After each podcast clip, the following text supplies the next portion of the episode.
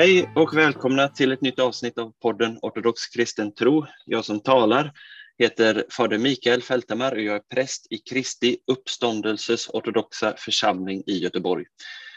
Eh, och eh, det är jag som har den här podden. där Jag bjuder in eh, gäster eller ibland pratar själv.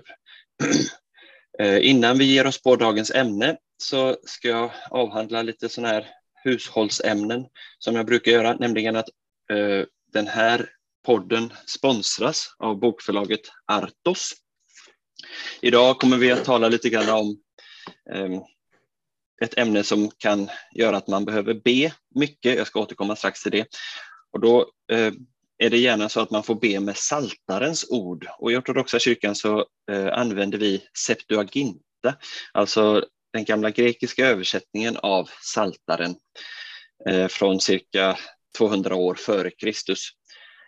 Och den finns översatt till svenska, Saltaren enligt Septuaginta, eh, bland annat med medverkan av Per Beskov. Eh, den här boken utkom 2008. Den är på 215 sidor och eh, som sagt, det är Saltaren enligt den gamla grekiska översättningen Septuaginta. Och den hittar du på www.artos.se. Ehm, och det är också så att vill du stödja den här podden så kan du swisha en gåva till församlingen där jag är präst i Göteborg. Och det gör du på swishnummer 123 278 8099. Det är Kristi uppståndelses ortodoxa församling i Göteborg som hör till Antiochias ortodoxa kyrka. Och eh, min församling hittar du på www.kristiuppstandelse.se. Idag ska vi prata om ett ämne som jag har fått förfrågan om från föräldrar. Föräldrar till ungdomar och tonåringar.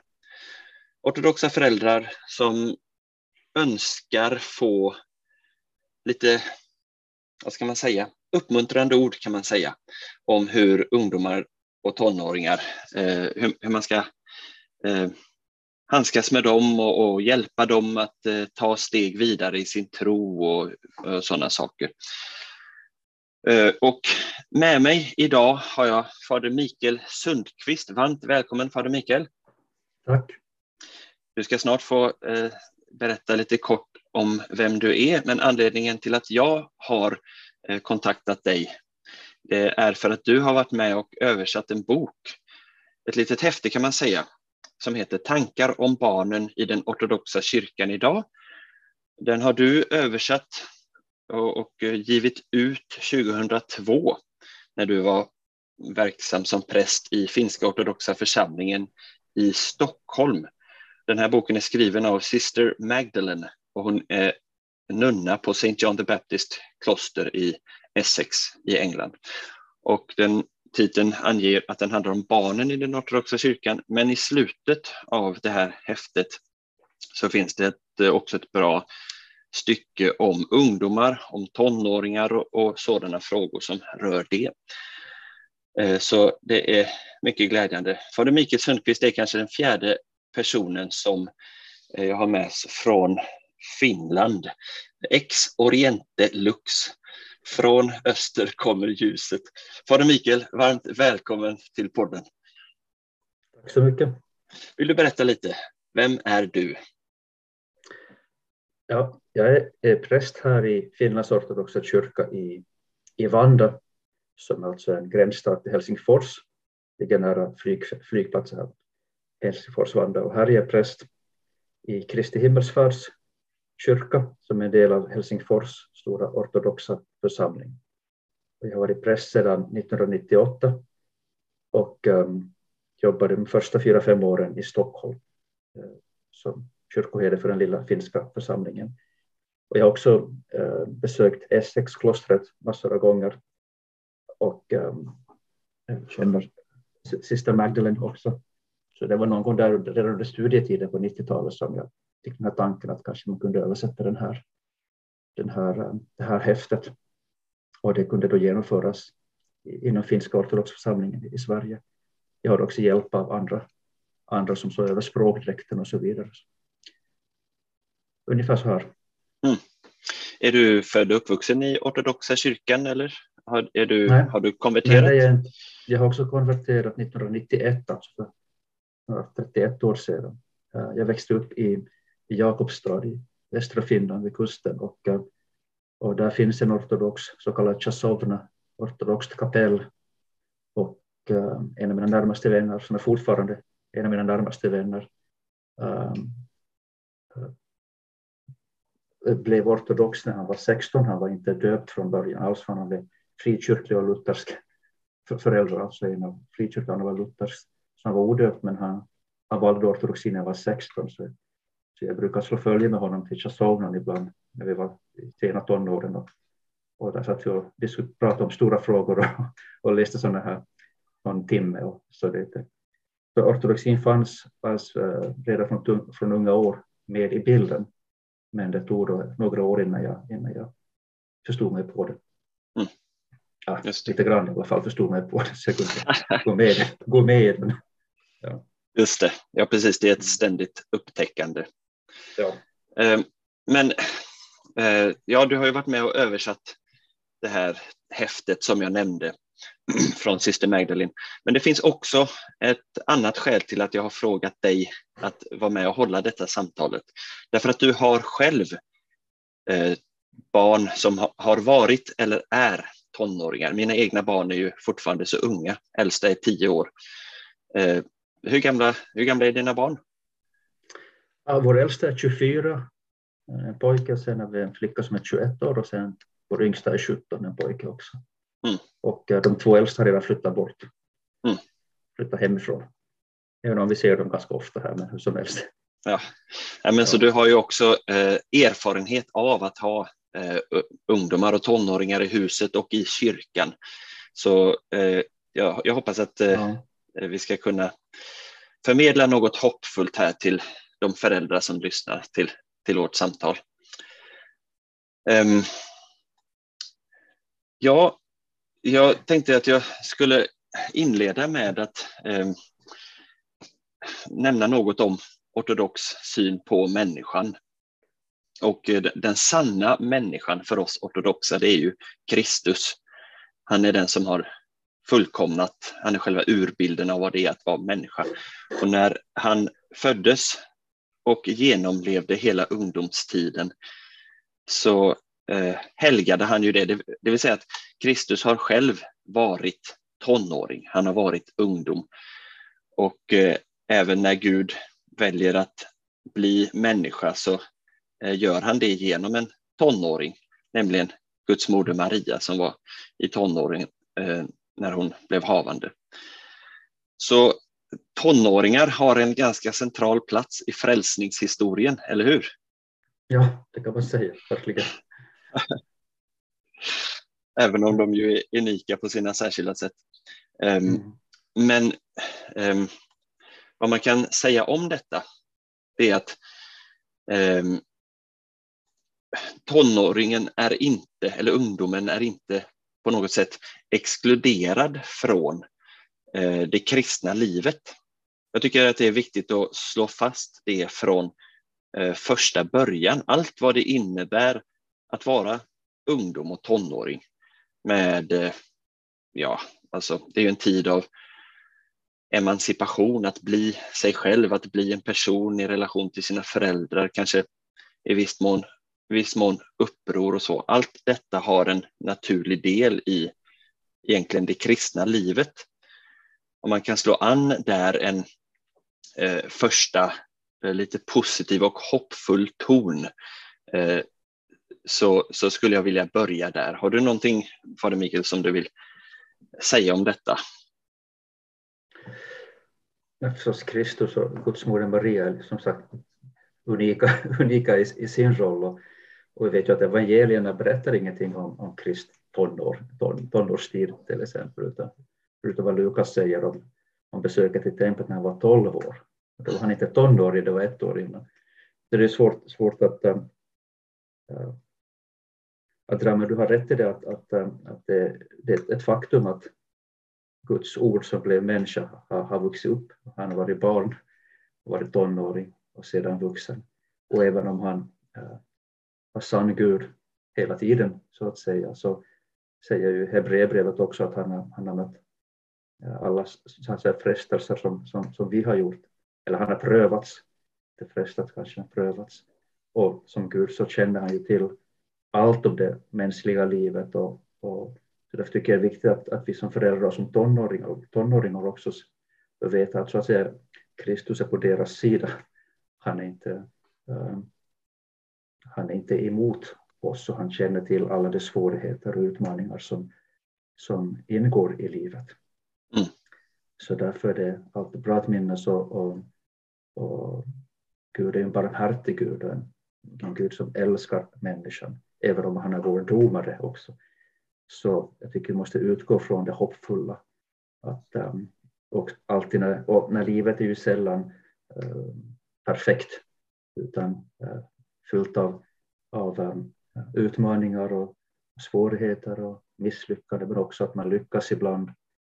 Så vi måste vara också barmhärtiga mot oss själva och barmhärtiga mot våra barn och, tonåringar och eh, äh, inte vara stränga och krävande på fel sätt för då, då det, det, väcker, det, det leder bara till en motreaktion som, som, som vi vet, vi vet, som kristna föräldrar så vill man förstås det bästa för sina barn. Och det betyder också att man hoppas att de ska få en levande tro och också en, äh, förstå hur viktigt det är att, att vara en levande medlem av, av Kristi kyrka, att gå till mysterierna och så vidare. Men äh, man kan ju aldrig kontrollera ett barn eller styra ett barn. så, mm, mm. så man måste ju inse att, äh, att göra det här på ett, på ett rätt sätt och det är verkligen inte enkelt. Som du sa, våra barn är uppvuxna så jag, kanske är helt disk, diskvalificerad, att, vad heter det, diskvalificerad att prata om det här ämnet. Hur väl vi så att säga har lyckats i den här uppgiften vet jag inte. Nej, men du har i alla fall erfarenheten med dig. Ja, eh, och, så det, det, där har du definitivt en styrka eh, i förhållande till mig, mm. eh, som sagt. Och, eh, men det är väldigt viktigt att ehm, även tonåringarna och tonårslivet, det är en del i vandringen mot gudomliggörelsen. Och som alltså, vuxna så har man så att säga stadgat sig eller satt sig lite grann i, i vem man är och sin person. Och det har vi ju vår tonårstid att tacka för. Vi är ju djupt präglade och påverkade av den allesammans. Och därför så är det kanske lätt att glömma erfarenheten att vara ungdom och mm. tonåring och den, det sökande och den, eh, eh, vad, vad säger man, ja, men identitetskris som det ofta kan innebära. Nu ser det ju olika ut för var och en och en del gör våldsamt uppror, andra är, har ett lugnare, en lugnare period. Men eh, eh, det, det, är någonting som vi behöver komma ihåg tror jag som vuxna för att också vara ödmjuka i, i relation till ungdomar i vår närhet, om de är i kyrkan eller om de är våra egna eh, barn. Jo, som, som människor vi har ju väldigt lätt för att döma, döma andra och och det är ju alltid det andliga livet en, en ständig utmaning att, att se, se sina egna synder och sina egna brister istället för att andra människors brister och synder. Så det är, och eftersom vår relation till, till våra egna barn är förstås speciell.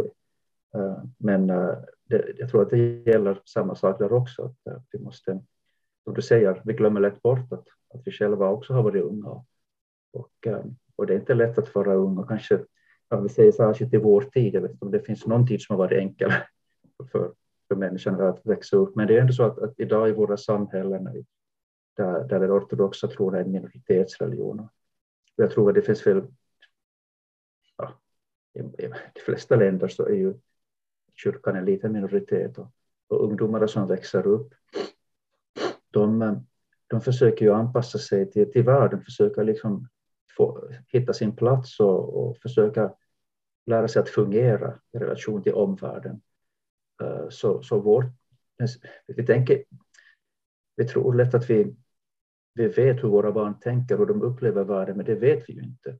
Och eh, en stor del av, av deras verklighet och uh, vad som influerar dem, vad de tänker på, är ju någonting som vi inte känner till i de flesta fall. Därför att en stor del av deras tid går ju åt att umgås med vänner eh, eller att gå i skola, olika hobbys.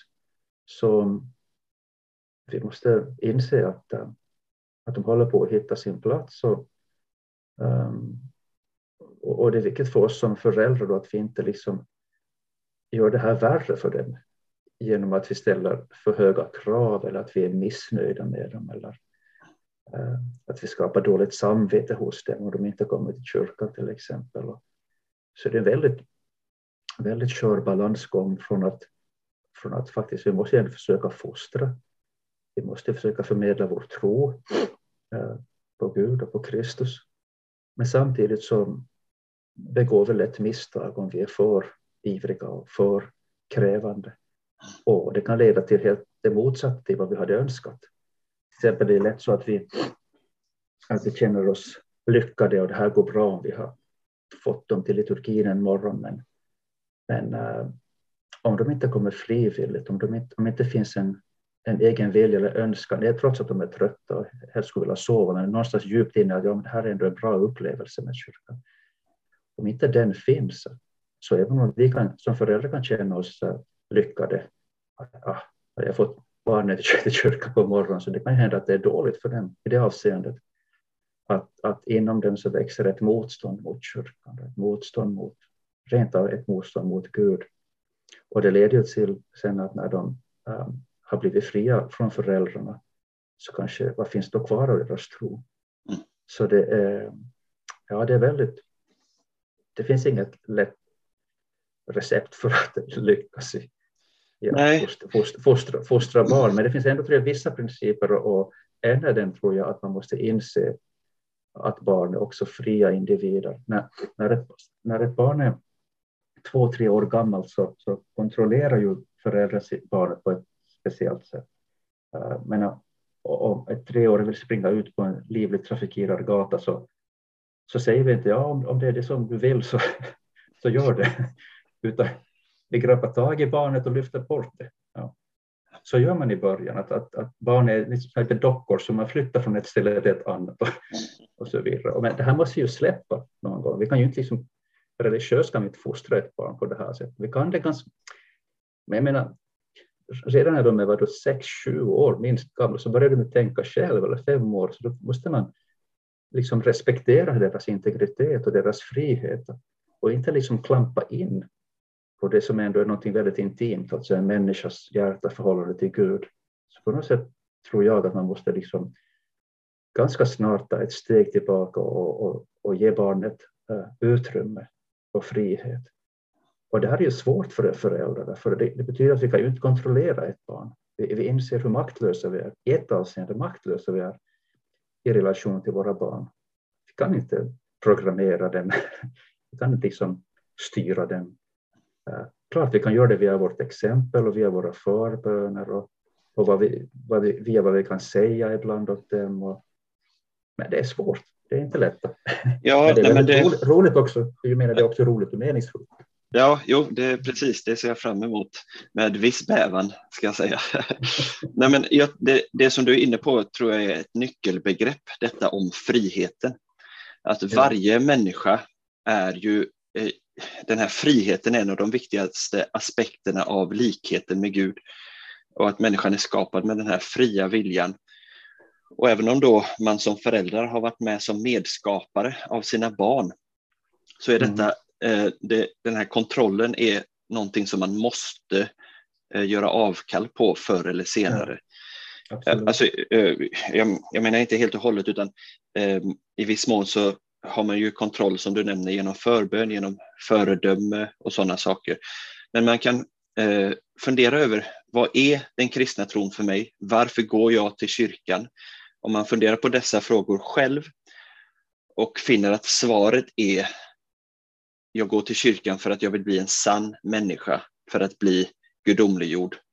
då infinner sig också snart insikten, tror jag, hos föräldern om att detta måste ske helt och hållet hos mig av fri vilja. Eh, annars har det ingen verkan. Och därpå följer också att samma sak gäller för mina barn, för mina tonåringar och ungdomar. Eh, de måste göra detta till sitt eget.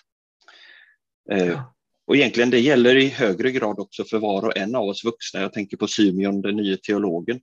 Han skriver att var och en av oss troende måste så att säga göra, göra tron till vår egen och eh, relationen till Gud till vår egen. Inte bara så att säga gå på rutin till kyrkan för att uppfylla någon form av religiöst krav eller vara en god människa eller sådär. Så det finns viktigt, mm. om, man, om man begrundar sin egen tro menar jag, så tror jag det är lätt också att förstå lite grann att även tonåringen behöver göra den här resan. Och visst, det finns en viss maktlöshet där, men det är ju hela livet i kyrkan är ju präglat av en sådan egentligen maktlöshet. Um, att ja. uh, man överger sitt, sin självständighet i Guds händer. Ja, så är det. Men, men i vår tradition, så, i den ortodoxa traditionen, så betonar vi människans fria vilja väldigt mycket. Och, uh, och också hur Gud ville skapa fria människor. Det är en del av, för Gud själv är fri. fri. Om, om människan är Guds avbild så är hon också fri, även om vår frihet är begränsad av olika, många olika skäl. Mm. Men man kan ju, jag vill inte bli missförstådd, men i ett avseende så, så visar Gud också en viss maktlöshet när han skapar människan. Därför att människan enligt vår människosyn har ju rätt att, att ställa sig emot Gud. Vi har ju rätt att, att förkasta Gud. Det är, ganska, det är en skrämmande tanke. Men så är det väl, Fader, att, att vi, vi är fria människor. Mm. Så på något sätt, och i vår tradition betonar vi att Gud kan inte tvinga oss till någonting. Gud tvingar oss inte till någonting, utan Gud kallar på oss hela tiden. Och, eh, men han, han lämnar ändå det här beslutet till oss, även om vi tror att, att det är Gud som får, som får till stånd allt det goda hos oss. Så i alla fall så har vi ändå en roll som människor. Eh, vårt eget beslut, vårt eget ansvar. Så på ett sätt så finns det rent av i skapelseakten och i frälsningshistorien så kontrollerar inte Gud oss heller, utan han, han har, han, det, är väldigt, det är en ganska ja, det är ganska lite skrämmande och fascinerande tanke hur, hur, vilken människosyn vi har i den ortodoxa kyrkan, att, att verkligen att vi är ansvariga. Mm. Um, så på något sätt, um, just den här frågan om frihet, är, jag tror att den är väldigt central. Men det, mm. det, det, är så, det, är så, mycket lättare för oss som människor att, som sagt, att, att försöka kontrollera och försäkra oss om, om allting, medan vi, vi i praktiken blir tvungna att leva en sån här viss sårbarhet och, och öppenhet och rent av maktlöshet. Men vi, det betyder inte att vi, jag menar, vi, vi, vi kan ju agera och vi, vi ber och vi, allt så här, men ja, jag tror att det här är ganska centralt. Mm absolut. Ja, och den här maktlösheten innebär ju inte att man ska lämna hela nej, nej. fostranstanken till, till samhället, gud bevars, eller, eller något nej, det är inte det. Utan, ja, nej, jag hoppas nej, inte bli missförstådd, det är inte det jag menar alls. Nej, nej, absolut. Men, jag vill bara betona det extra mycket, ja. därför att jag, ja. eh, ibland så, och det kanske du har erfarenhet av som präst, och det kanske gäller mer yngre barn, men ibland så får man intrycket av att kristna föräldrar önskar att kyrkan ska eh, ansvara för hela eh, deras barns kristna fostran och att de själva inte gör någonting. Låt säga att en, en, en mamma, en ortodox mamma är lärare och eh, pappan är, jobbar på något ingenjör på något företag eller sådär. Eh, och eh, ja, men vi har ingen koll på kyrkan kanske de säger, eller vi vet inte hur vi ska förklara tron för våra barn. Eh, och det, det, där lämnar vi åt kyrkan och så har, får barnet en kvart Eh, på söndagsskolan varje söndag eller vad det nu är för något. Nu ser det lite annorlunda ut i Finland med er religionsundervisning, men eh, mm. Eh, det finns en viss fara att man avsäger sig den kristna fostran i viss mån och, låter, och förväntar sig att kyrkan ska ta hand om det. Och där tror jag man gör ett stort misstag. Även om man inte kan tron teoretiskt sett i särskilt hög grad så är det fortfarande så att man kan ju be hemma och föregå med gott exempel som vi har varit inne på. Men, men alla kan ju läsa Bibeln. Det finns eh, barnens bibel och det finns ungdomsböcker och sådant som där, där eh, man får hjälp som förälder att handskas lite grann med olika av de här frågorna. Inte minst det, det lilla häftet som du har översatt och som jag ska se om mm. man kan få ut i bredare lager på något sätt igen. Ja, just det. Det är sant. Och jag menar, även som förälder, även om inte man kan allting, jag menar, även som präster kan vi ju inte allting. Så, så jag har läst teologi, eh, så jag tror det viktiga att det är ett hem, att det finns den här öppenheten för kyrkan och, och för tron på Gud och de här frågorna. Och det kanske är rent av bara bra att, att föräldrarna inte vet, vet så mycket. För om, om de vet för mycket och liksom försöker hamra in uh, det som de enligt deras kyrkans, kyrkans uppfattning och lära om saker så det kan ja, det är inte särskilt, alltid så särskilt framgångsrikt så det kan vara det att man inte vet så mycket om kyrkan eller inte vet så mycket om tron så det, det, det utesluter inte en, att man fostrar dem i alla fall. För att det betyder att man kan ändå samtala om de här frågorna. Man föräldrar förlorar ingenting på att säga ja, det här vet jag inte riktigt. Att det här kan vi ta reda på. Vi kanske kan fråga prästen nästa söndag eller någonting sånt. Så det gör ju ingenting att man inte vet allting. Så man ska inte tror jag, försöka komma under sitt ansvar som förälder genom att eh, hänvisa till sin okunskap. Och sen vad du säger, det är ju ändå så att, att uh, vårt eget exempel talar mycket mer än, än våra ord gör. Så om barnet ser att, uh, att, att kyrkan och tron på Gud är någonting som uh, är viktigt för föräldern, uh, att, för, att mamman eller pappan ber hemma och att han försöker, att han är ödmjuk, att han är beredd att, att um, medge sina egna brister etc. etc. Så det skapar ju också en, en atmosfär i hemmet som gör att uh, som inte så att säga som är öppen, mm. öppen mot kyrkan, öppen mot Gud. Jag tror det sätter en prägel faktiskt eh, i, i barnets själ som kommer att finnas kvar där hela tiden. Just det här exemplet ja. av, av eh, ja. att, att, man genuint söker Gud. Och det även om barnet eller tonåringen eh, under en period i sitt liv skulle förlora tron eller vad det nu kan vara, så kommer nog det där minnet av föräldrarna spela en viktig roll. Men, jag tror det också. Ja. Du vet, som, som sånt, så, och liksom präster också i kyrkan, så vi, vi, liksom, vi, vi är ju som evangeliets såningsman. Vi, vi sår, vi pratar, vi förrättar gudstjänst, vi försöker, men vi vet inte vad det blir av allt av det. Mm. Gud ger ja, det, skörden. Ja, alltså jag hade nu i, i, i, i lördag sen kom en, en, en kvinna till, till bikt, en som jag aldrig träffat tidigare. Och eh, hon ville då berätta att, att eh, någonting som jag sa var det för två år sedan i en predikan, när jag besökte vår kyrka. Eh, fick henne att, att börja tänka på en viss sak och fick vissa konsekvenser. Och det hade inget att göra med att det skulle vara en bra predikan som jag höll. Men det, det är bara ett exempel på det att um, man vet aldrig vad, liksom, vilken skörd den blir, vilken, vilken frukt det bär. Alltså föräldrar som sagt vill vi ju ha omedelbara resultat. Mm. från ett barn. Men vi, vi såg ju liksom någonting i deras hjärta. Och det kan hända att det bär frukt först när vi redan har gått vidare till, till det eviga livet. Vem, vem vet, i, i de allra flesta fall så är ju, är ju, är ju livet ganska långt. Och eh, så vi vet ju inte vad som händer sig om 40 år eller någonting.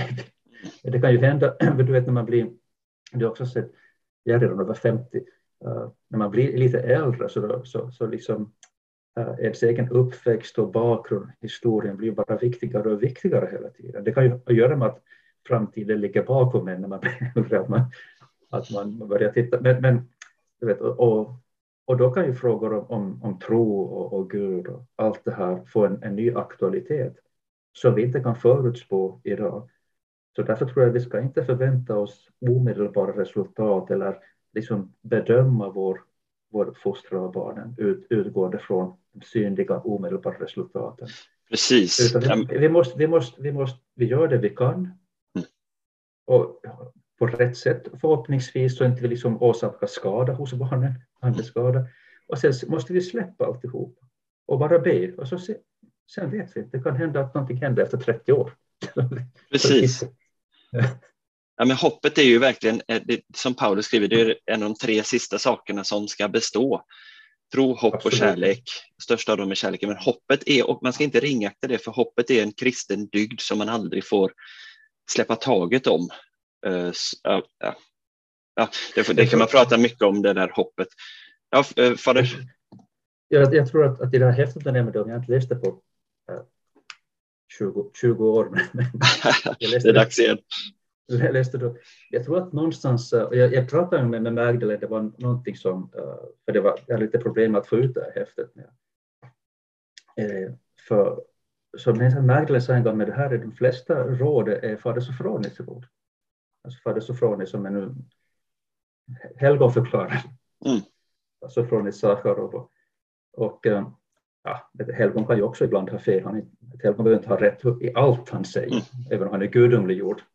Så tror vi. Men um, och ett, något ställe där som Magdalena säger att um, just när han pratar om det här att vi inte vet vad det leder till.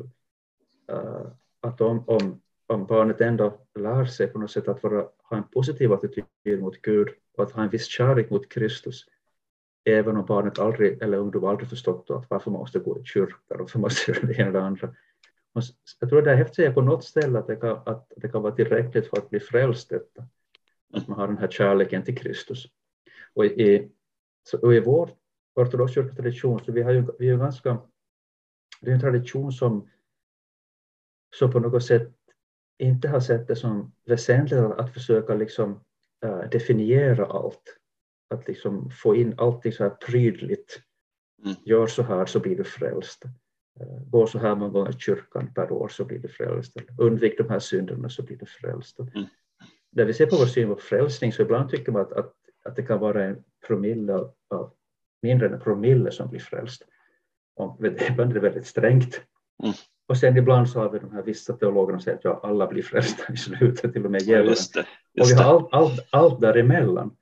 Uh, så det är så i vår ortodoxa tradition att vi, den är både väldigt så här, ska jag säga, väldigt sträng och, och smal för Kristi väg är ju smal. Men samtidigt finns det en generositet och en öppenhet och så här kosmisk, kosmisk uh, ska jag säga, Alltså, sätt där, att se på frälsningen. Ja, så. Precis, den där paradoxen, eh, det är så många upplever jag som söker sig, eller rättare sagt som, som stöter på ortodoxa kyrkorna som blir helt eh, perplexa av den paradoxen. Eh, man, man, bara, man kan inte greppa det och det är ju för att det är så främmande för vår rationella västerländska sätt att tänka kring saker och ting. Men, men det är helt precis som du säger, och det är väldigt viktigt och befriande att eh, mm. påminna sig om den där paradoxen. Och att bero på det du säger om kategorier av synder och, och så vidare. Jag, jag har ett citat från syster Magdalene där eh, hon skriver på sidan 61 i häftet citat, vi kommer sannolikt tvingas låta en hel del mygg passera genom våra eh, medan våra barn är tonåringar. Slutcitat. Alltså hon säger att vi ska inte sila mygg eh, och svälja kameler. Eh, utan mm. vi, vi, får helt enkelt fokusera på vad är relevant och viktigt? Behöver jag ta alla strider? Eh, nej, för en dialog med dina ungdomar. Ha en, eh, skapa en vad säger man, atmosfär av tillit där barnen känner sig trygga att tala om vad som ligger på deras hjärtan. Och du som förälder kan prata om vad, vad är egentligen synd? Är det en lista med saker, alltså förr i världen i frikyrkan här i Sverige så det fanns eh, en lista på synder, du får inte gå på bio, du får inte gå till dansbanan, du får inte ha till och med gardiner, det är djävulens långkalsonger och sådana där saker. ja, det var, eh, I vissa sammanhang så var det så strängt. Och jag menar, eh, synden är ju att vad synden handlar om är att vi blir mindre de vi är tänkta att vara. Och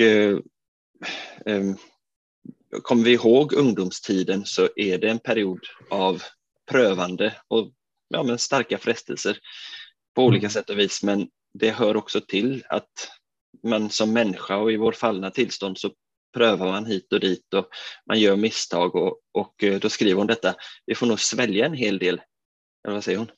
Um, ja, man... Tvingas låta en hel del mygg passera.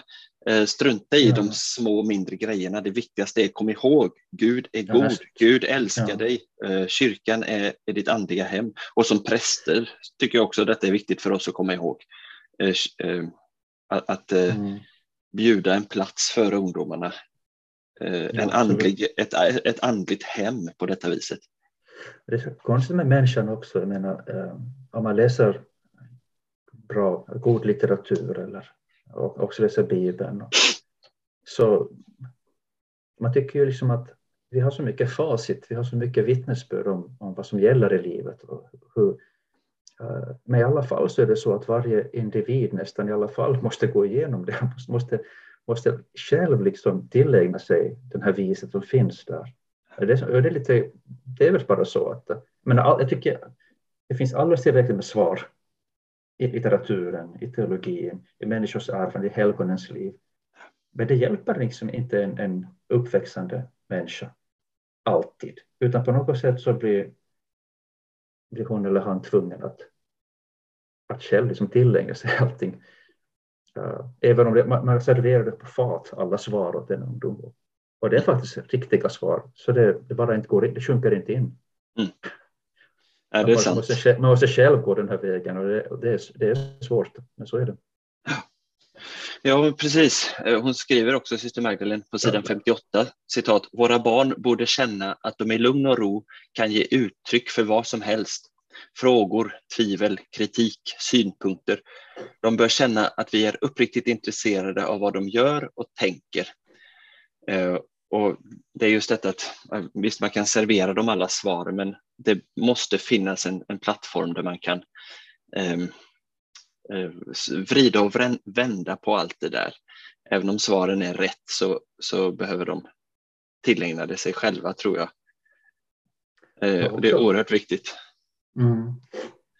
Sen är det också något som jag har lagt märke till, jag tycker mig har lagt märke till, det är det att, att ibland så ska säga, den här kyrkliga aktiviteten, åtminstone ibland så hoppade över en generation alltid.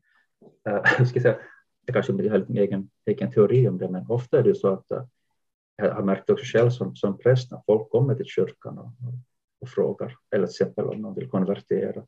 Ganska ofta så är det någon mor, ofta mor eller far, morföräldrar eller far, farmor eller mormor, i synnerhet oftast kvinnor, som är då skälet till att de kommer till kyrkan, som har haft en väldigt stort inflytande på barnets andliga utveckling.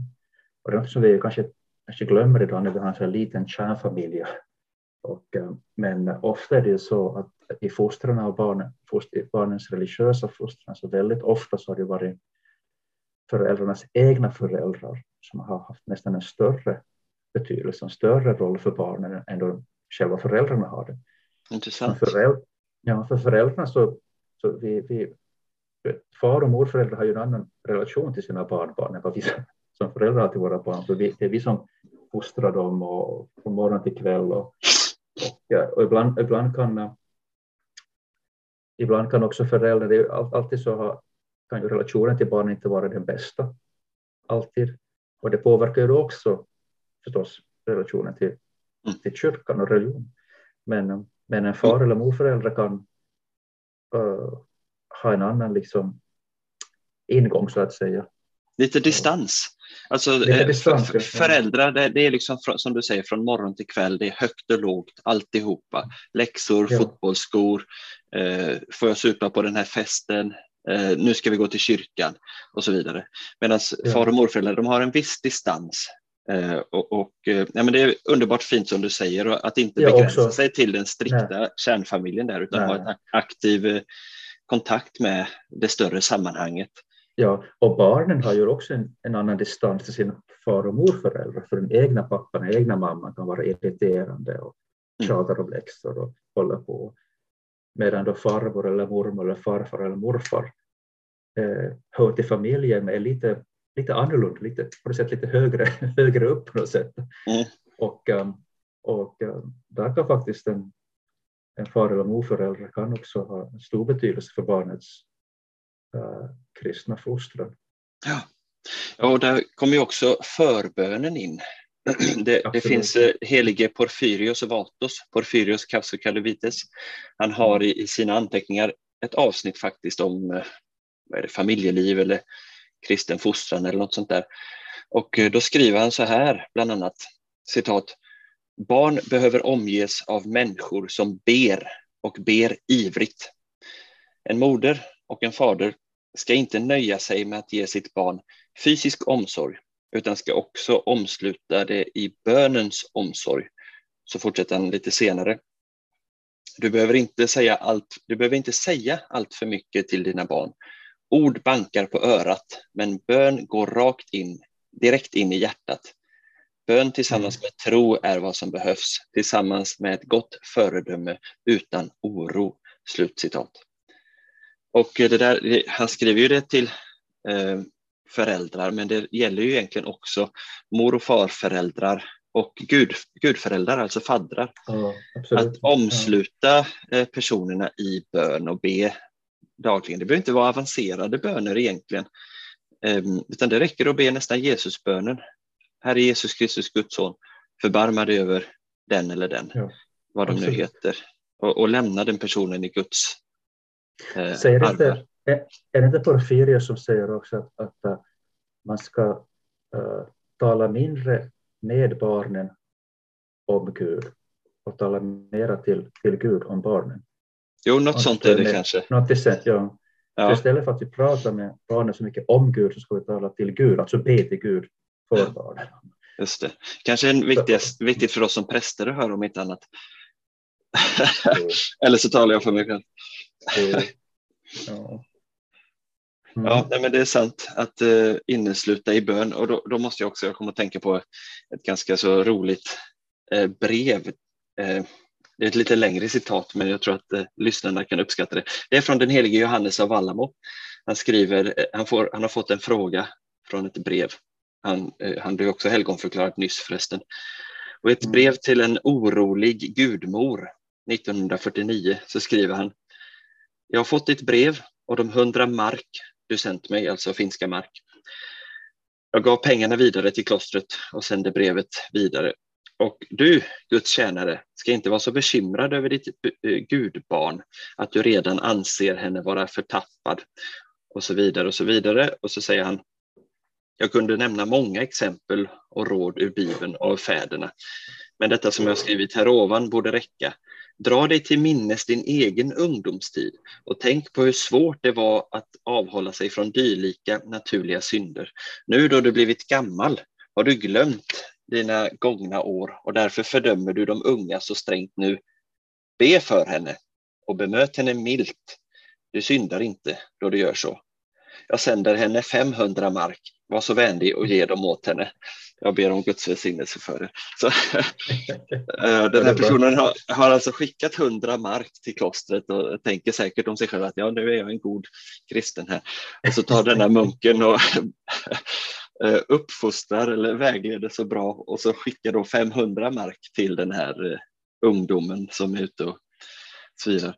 Det, det är lustigt.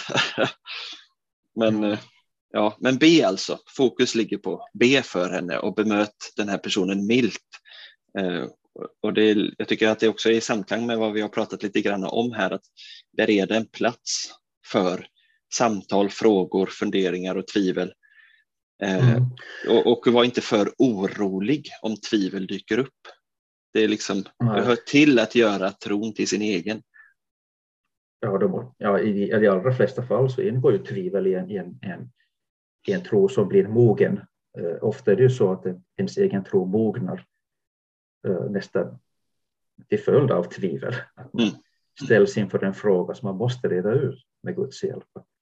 Och, och reds den frågan ut så, så blir ju tron starkare, tryggare. Så visst kanske kan det finnas fall när vi läser i Synaxarien om helg och bön så finns det de här Nikolaus som inte tog bröstet onsdagar och fredagar och så vidare. Just det, just det. Ja, så, som, sådana som läste endast andlitteratur och var helt liksom, um, alldeles från, från början helt unika. Det finns sådana, men de är väldigt, väldigt, väldigt sällsynta.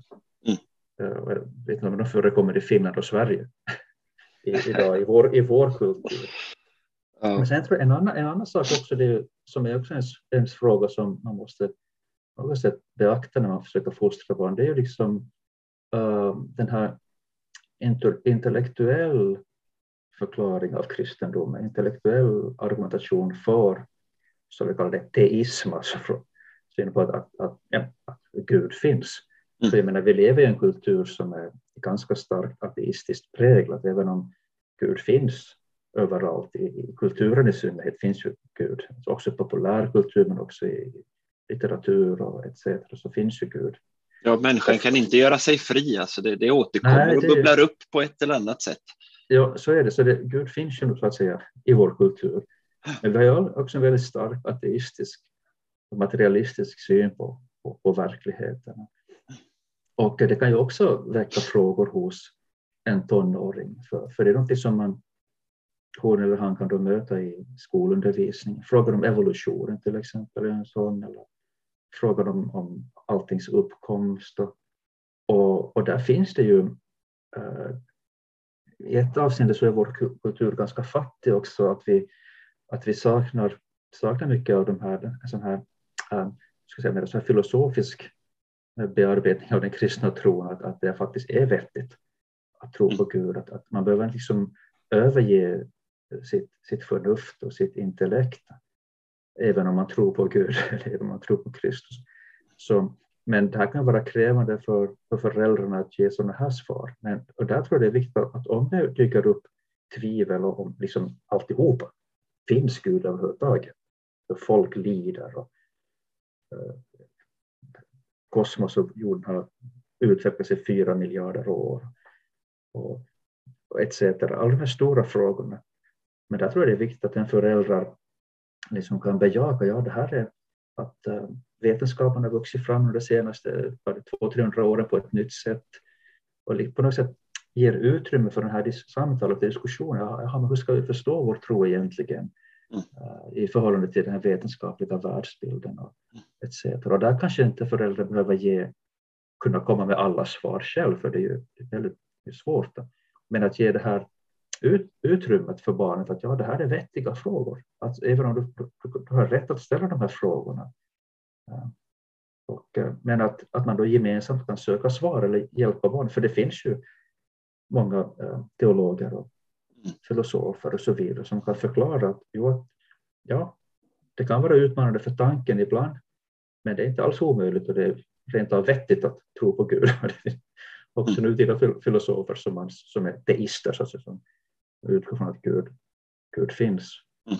Gud finns. Så, så det kan också vara svårt med det här intellektuella så att säga, försvaret eller förklaringen av tron på Gud. Det är en jätteutmaning. Mm. Alltså, Först och främst så ska jag säga att, att en tro som grundar sig i kärlek till Gud och, och eh, förtröstan på att han är, som vi ber, den enda som älskar människan.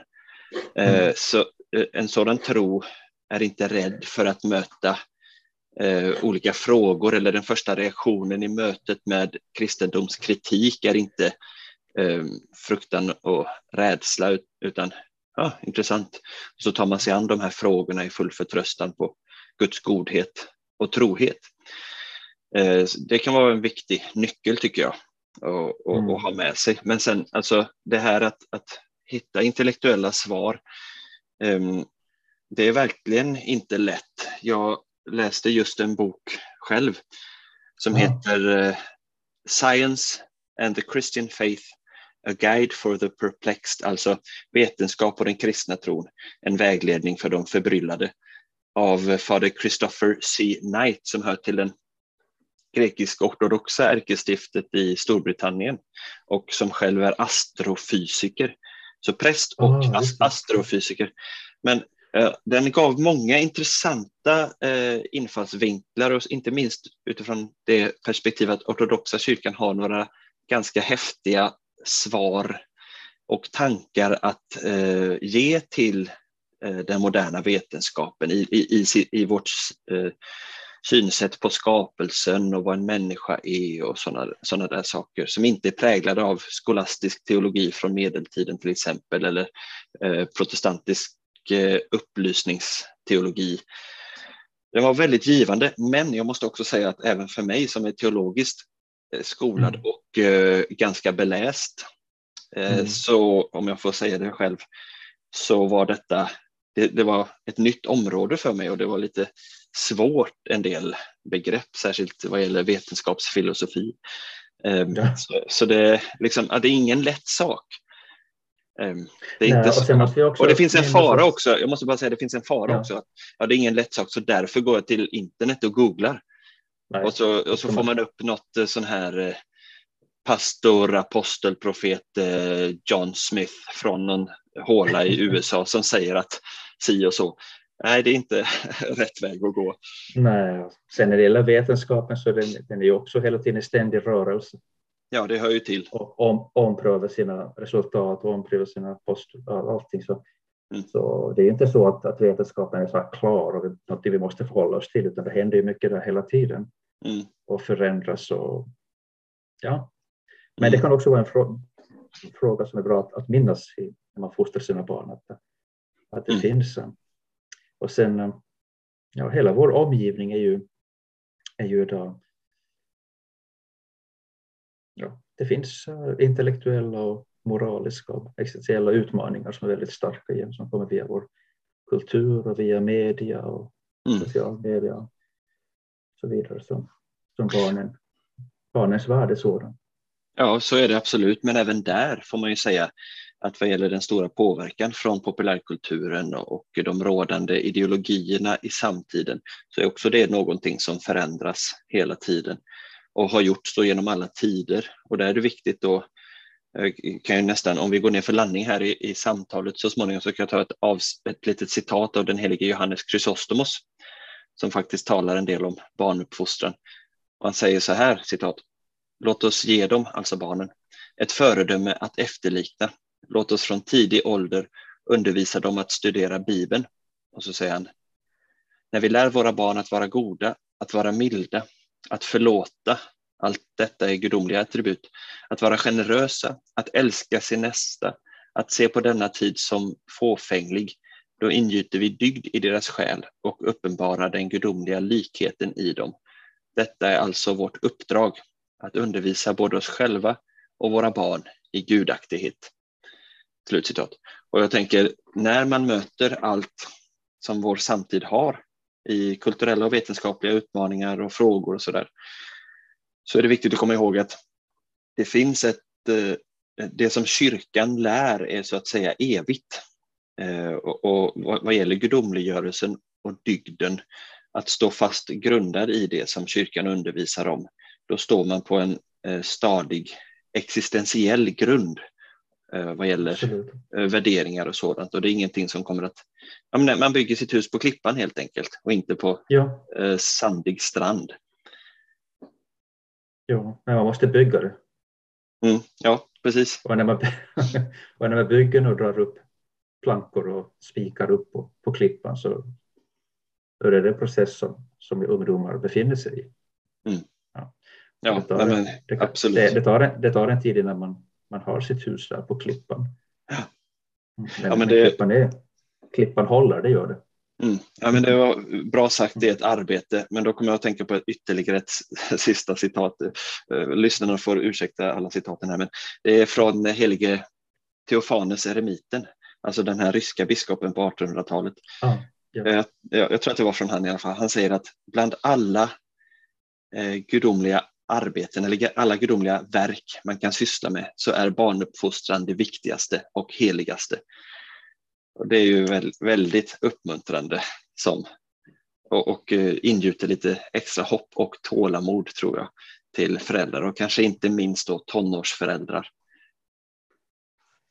Absolut, och vi måste ju alltid, tycker jag, utgå från, från den här glädjen över barnen. Alltså över, att, eh, oberoende vad de hittar på eller så eh, som förälder har man fått vara med om ett stort mirakel. Att liksom fått se skapelse, skapelseverket med egna ögon och har fått liksom erfara skapelsens alltså under eller mirakel. Mm. Vilken är, jag tycker vi måste alltid bevara den här, den här glädjen och förundran över att vi har fått vara med och se att nya existenser har uppstått. Nya barn, nya människor har, har liksom kommit till och vi får vara med om det. Så det är ju, tycker jag, den glädjen, den förundran, den tacksamheten tycker jag måste prägla också vår kristna fostran av barnen. Mycket bra. Det får vara avslutningsord. Stort tack Fader Mikael för detta samtalet. Tack för att jag fick komma. Allt och, gott, ja, tack. Och ni som eh, har eventuella frågor och funderingar är alltid välkomna att skriva till mig på mikael.faltamar.gmail.com. Eh, om du inte har gjort det redan så gå in och lämna ett gott omdöme på den här eh, podden, på den kanalen som du lyssnar på. Fem stjärnor och en fin recension. I övrigt så uppsök en ortodox kyrka om du inte har gjort det redan. Varmt välkomna till oss i Göteborg.